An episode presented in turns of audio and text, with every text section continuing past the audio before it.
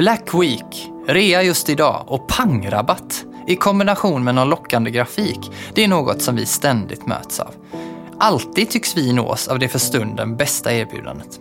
Men frågan är vad som egentligen gäller vid användning av olika prispåståenden i marknadsföring. Det ska vi prata om idag.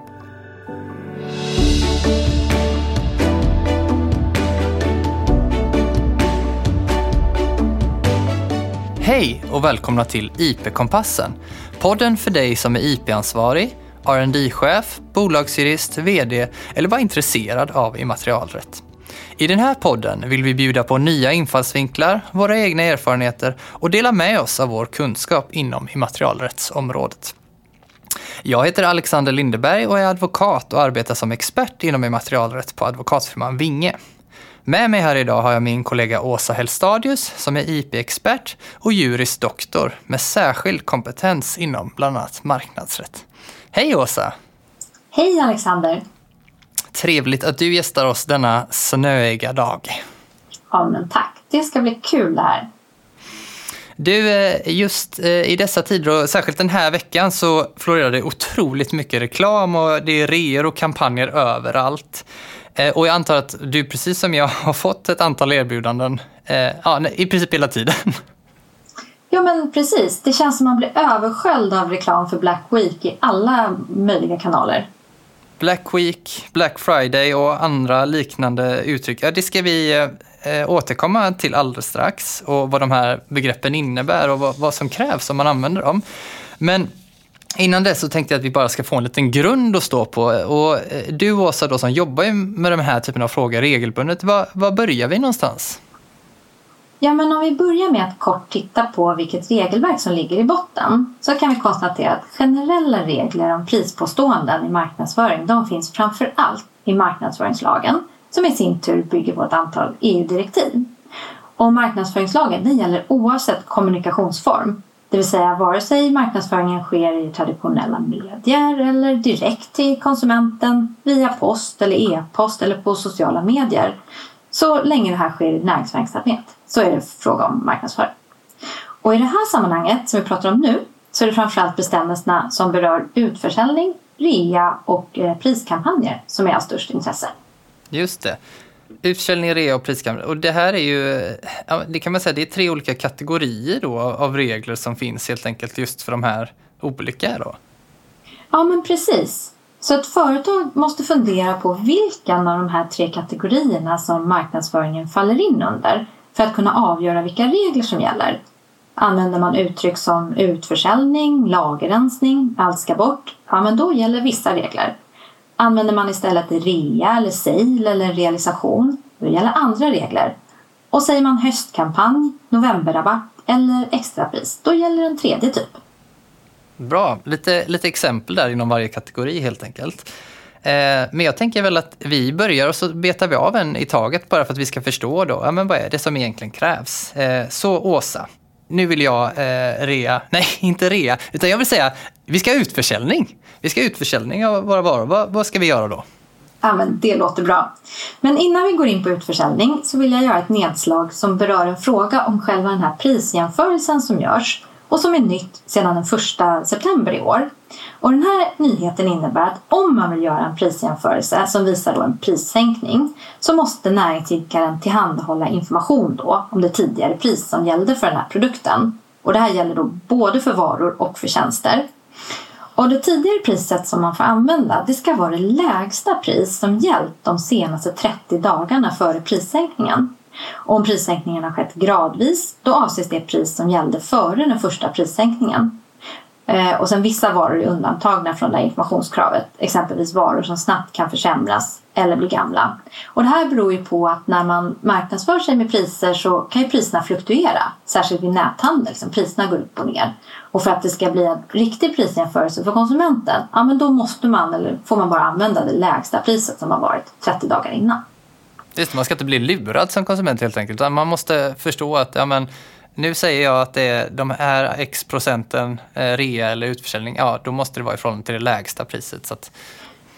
Ja, men exakt. Och skälet till det, det har ju hänt att det är företag som faktiskt har höjt priserna precis innan en kampanj för att sen Mm. sänka dem på kampanjen. Och då är inte det det riktiga priset som den här varan eller tjänsten faktiskt har sålts för om man gör en sån här eh, prishöjning precis innan kampanjen inleds. Nej. Okej, men ska vi gå vidare då med uttrycket utförsäljning eller andra ord som har motsvarande innebörd? Då är det så här att ska man använda uttrycket utförsäljning då får man bara använda det om följande tre krav uppfylls. Och det första kravet är att utförsäljningen måste avse hela eller en klart avgränsad del av näringsidkarens varulager. Alltså det ska handla om en till exempel lagerrensning. Man ska bli av med eh, sitt lager eller sina produkter. Och det andra kravet är att utförsäljningen får bara gälla för en begränsad tid. Och det handlar om högst några få veckor. Och det tredje kravet är att den prisnedsättning som görs måste vara väsentlig. Och det här kan man ju fundera på. Väsentlig, det låter ju som ett så juridiskt eh, ord som kan innebära lite vad som helst. Och man tänker, finns det någon, kan du säga något exempel? Och då måste jag säga tyvärr det är så att man kan inte säga någon exakt summa, men man kan säga eller en exakt procentsats. Men i praxis så brukar en väsentlig nedsättning, då ha, måste man ha en nedsättning om 30 procent på ordinarie pris eller mer. Då är man på den säkra sidan där. Ja. ja, men det är skönt. Åtminstone någon typ av riktmärke för det här väsentlighetskravet helt enkelt. Exakt. Bra, det var utförsäljning. Eh, och går vi vidare och tittar på nästa kategori som är det här med rea, realisation eller sale eller något motsvarande begrepp. Eh, är det ungefär samma eller vad, hur, vad, vad krävs då? Ja, men det är ganska likadant. I alla fall när det gäller tiden då. Det får bara pågå under en begränsad tid. Precis som utförsäljning. Högst några få veckor. I vart fall inte mer än två månader kan man säga. Och det tredje är att eh, priset ska då vara väsentligen lägre. Precis också som vid utförsäljning. Men när det gäller realisation, det är ju en lite annan typ av, av eh, kampanj. Och det handlar ju om att man då rear ut ett antal varor. Men där i praxis har man sagt att det måste röra sig om en betydande del av det ordinarie varusortimentet. Det vill säga konsumenten ska förvänta sig att har man ett uttryck som realisation, ja men då ska det gälla de flesta varorna. Men om det inte är så utan man vill bara rea ut en viss typ av vara, till exempel man vill rea ut paraplyer. Ja men då, om man bara kommunicerar det tydligt. Så det handlar om att är man tydlig mot konsumenten, ja men då kan man ha inte lika många produkter. Nej men precis, alltså, och, och, och det kan vi säga, eh, det är ju inte bara när det gäller rea och den här typen av, utan eh, marknadsföring överlag. Oavsett vilken typ av påstående, prispåstående, miljöpåstående eller något annat. Det har vi pratat om tidigare i podden, det var därför jag tog upp detta. Att tydlighet gentemot konsumenten, där har man väldigt mycket att vinna på. Eh, För att det är just det här vilseledande begreppet som man liksom kommer bort ifrån helt enkelt. Precis, så är man tydlig och kommunicerar klart och tydligt vad det är man säljer och på vilket sätt man säljer, då är man på den säkra sidan. Bra, ja, men rea-begreppet och eh, här kanske vi också kan säga någonting då just om Black Week. Absolut. Och då har ju Patent och marknadsdomstolen i praxis angett att uttrycket Black Week det hamnar i realisationskategorin, det vill säga det är ett uttryck med motsvarande innebörd. Och de här reglerna då som gäller för realisation, det gäller vid användning av uttrycket Black Week. Och samma gäller då för uttryck som liknar Black Week, till exempel Black Friday eller Black Weekend eller Black Week Deals eller liknande.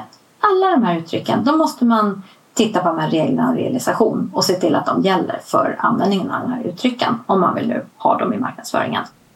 Precis. Viktigt att ha med sig, i särskilt de här tiderna då, när det är just det här begreppet som vi ser hela, hela tiden. Men om vi då tänker oss, vi går förbi rean, vi går förbi utförsäljning, då har vi också de här lite mer vanliga priskampanjerna. Vad gäller då? Ja, precis. Det här är den sista kategorin och precis som du säger, det här är liksom alla andra kampanjer som inte faller in under utförsäljning eller rea-kategorierna. Och där är det också tre krav. Och det första kravet där, det är själva priset då. De har sagt att prissänkningen måste vara märkbar och också nyligen gjord i förhållande till ett ordinarie pris. Och då kan man ju fråga sig, ja, men vad betyder märkbart då? Vi hade ju väsentligen när det gäller realisation till exempel. Och även här, det är liksom svårt att säga något riktmärke och, och det finns ingen tydlig eh, vägledning i praxis. Eh, men om vi säger att väsentliga nedsättning handlar om 30 procent eller mer så är det väl här någonting som är under 30 procent men det måste ändå vara en märkbar nedsättning. Så att eh, man får tänka sig att man får ändå ta i lite. Man får erbjuda konsumenterna någonting som ändå är ordentligt prisnedsatt. Och kom också ihåg som jag nämnde tidigare att gör man en prisjämförelse så ska det tidigare priset vara det här lägsta priset då som har varit de senaste 30 dagarna före prissänkningen. Och sen är de här andra kraven då, fortfarande när det gäller tiden, bara några få veckor typiskt sett. Och eh, det tredje kravet som man ska komma ihåg med den här typen av kampanjer, precis som för de andra förvisso också, men det är att de här nedsatta priserna, de måste återgå till de ordinarie priserna exakt när kampanjen avslutas. Mm. Så säger man att ja, den här kampanjen gäller under begränsad tid fram till det här, det här datumet, ja, då ska det sluta då helt enkelt. Annars så blir det vilseledande. Ja, men precis. Så man får mm. inte ha liksom en kampanj som pågår efter det att man har aviserat att ja, men det upphör vid det här datumet. Precis, vi bara förlänger också... klockslaget till nästa dag, till nästa dag, till nästa dag.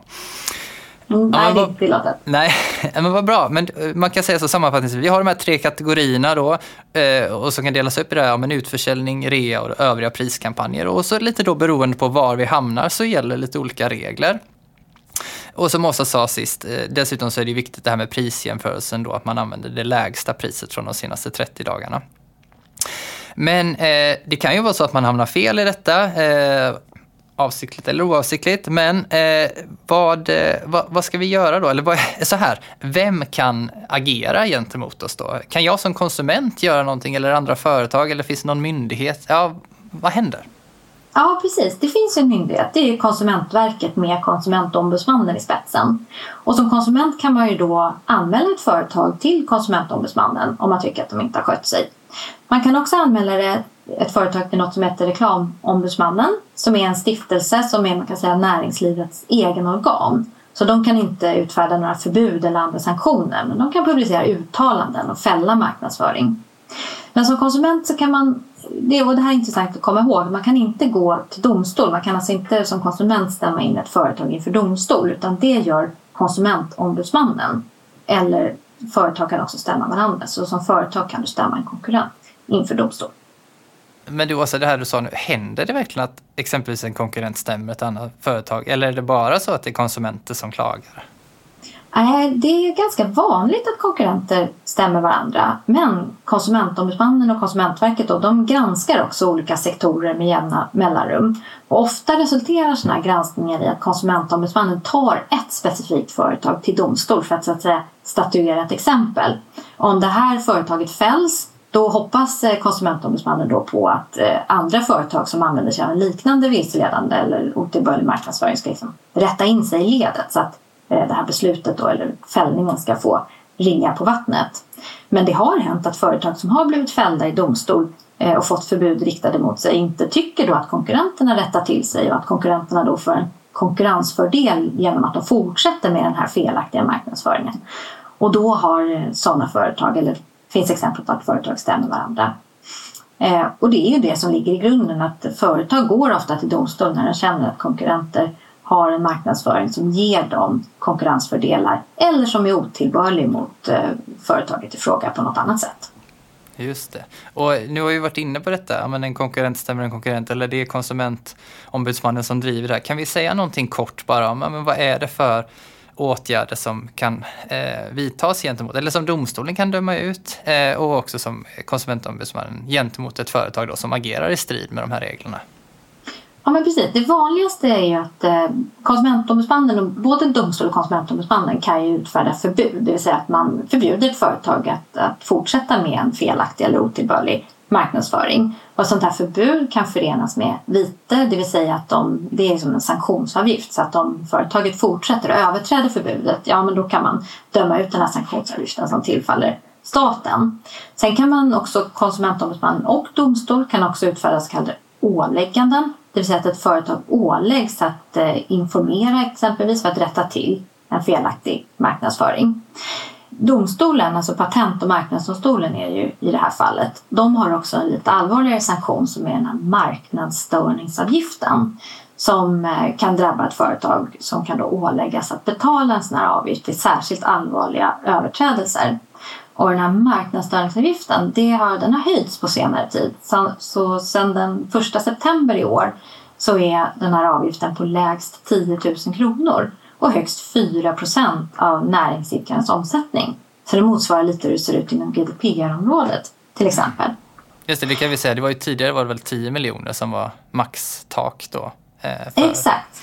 Så nu är det relaterat till, till omsättningen. Så det kan ju då drabba ja, företag som har en högre omsättning ännu mer. Och det är väl det som är tanken här, att man ska kunna ha en sanktion som verkligen känns. Mm. Gemensamt för företag som hamnar antingen i domstol eller hos Konsumentverket det är ju också att det blir en form av badwill. Alltså företag vill ju helst inte förekomma som någon som har felaktig marknadsföring eller överträder lagen. Så det är ju också en sån effekt av sådana här ärenden som också drabbar företaget på sikt. Mm.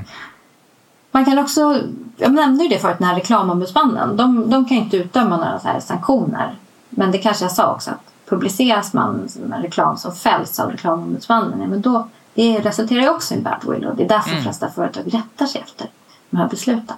Ja precis, det blir lite liknande Allmänna reklamationsnämnden där kan man säga nästan, fast när det gäller marknadsföring då. Ja men exakt. Mm. Ja men vad bra. Eh, som sagt, eh, eh, man, om man gör fel då hamnar man i domstol eller konsumentombudsmannen eller då den här reklamombudsmannen. Och det kan få vissa både rättsliga och eh, eh affärsmässiga konsekvenser helt enkelt genom badwill. Eh, och jag tycker vi har fått med väldigt många bra saker. Är det något sista du vill skicka med innan vi rundar av dagens avsnitt, Åsa? Ja, nu har vi pratat ganska mycket om pris och just att man har en prisangivelse som signalerar nedsättning till eh, konsumenten eller Eh, kunderna. Men det är också viktigt att tänka på att det är inte bara liksom själva prisangivelsen som avgör hur marknadsföringen uppfattas utan det kan också vara vilseledande att använda färger eller grafik som ger ett visst intryck. Till exempel har man en viss färg på sina nedsatta priser, till exempel röd färg, då kan det anses vara vilseledande att ha samma färg på de ordinarie priserna. Så det här är någonting man kan eh, tänka på. Ett tips till företag det är att de vara noggranna, inte bara med själva prisangivelsen utan också med den färg, de färger och former som man använder i marknadsföringen. För det avgörande det är alltid hur konsumenten uppfattar marknadsföringen. Bra! Tack för den eh, avslutningen. Eh, och jag tycker vi rundar av dagens avsnitt där och eh, som sagt eh, tack till dig Åsa för att du var med och delade din kunskap. Ja men tack själv, jättekul. Detta var allt från IP-kompassen för idag och tack så mycket för att ni lyssnade. Ta hand om er så hörs vi snart igen.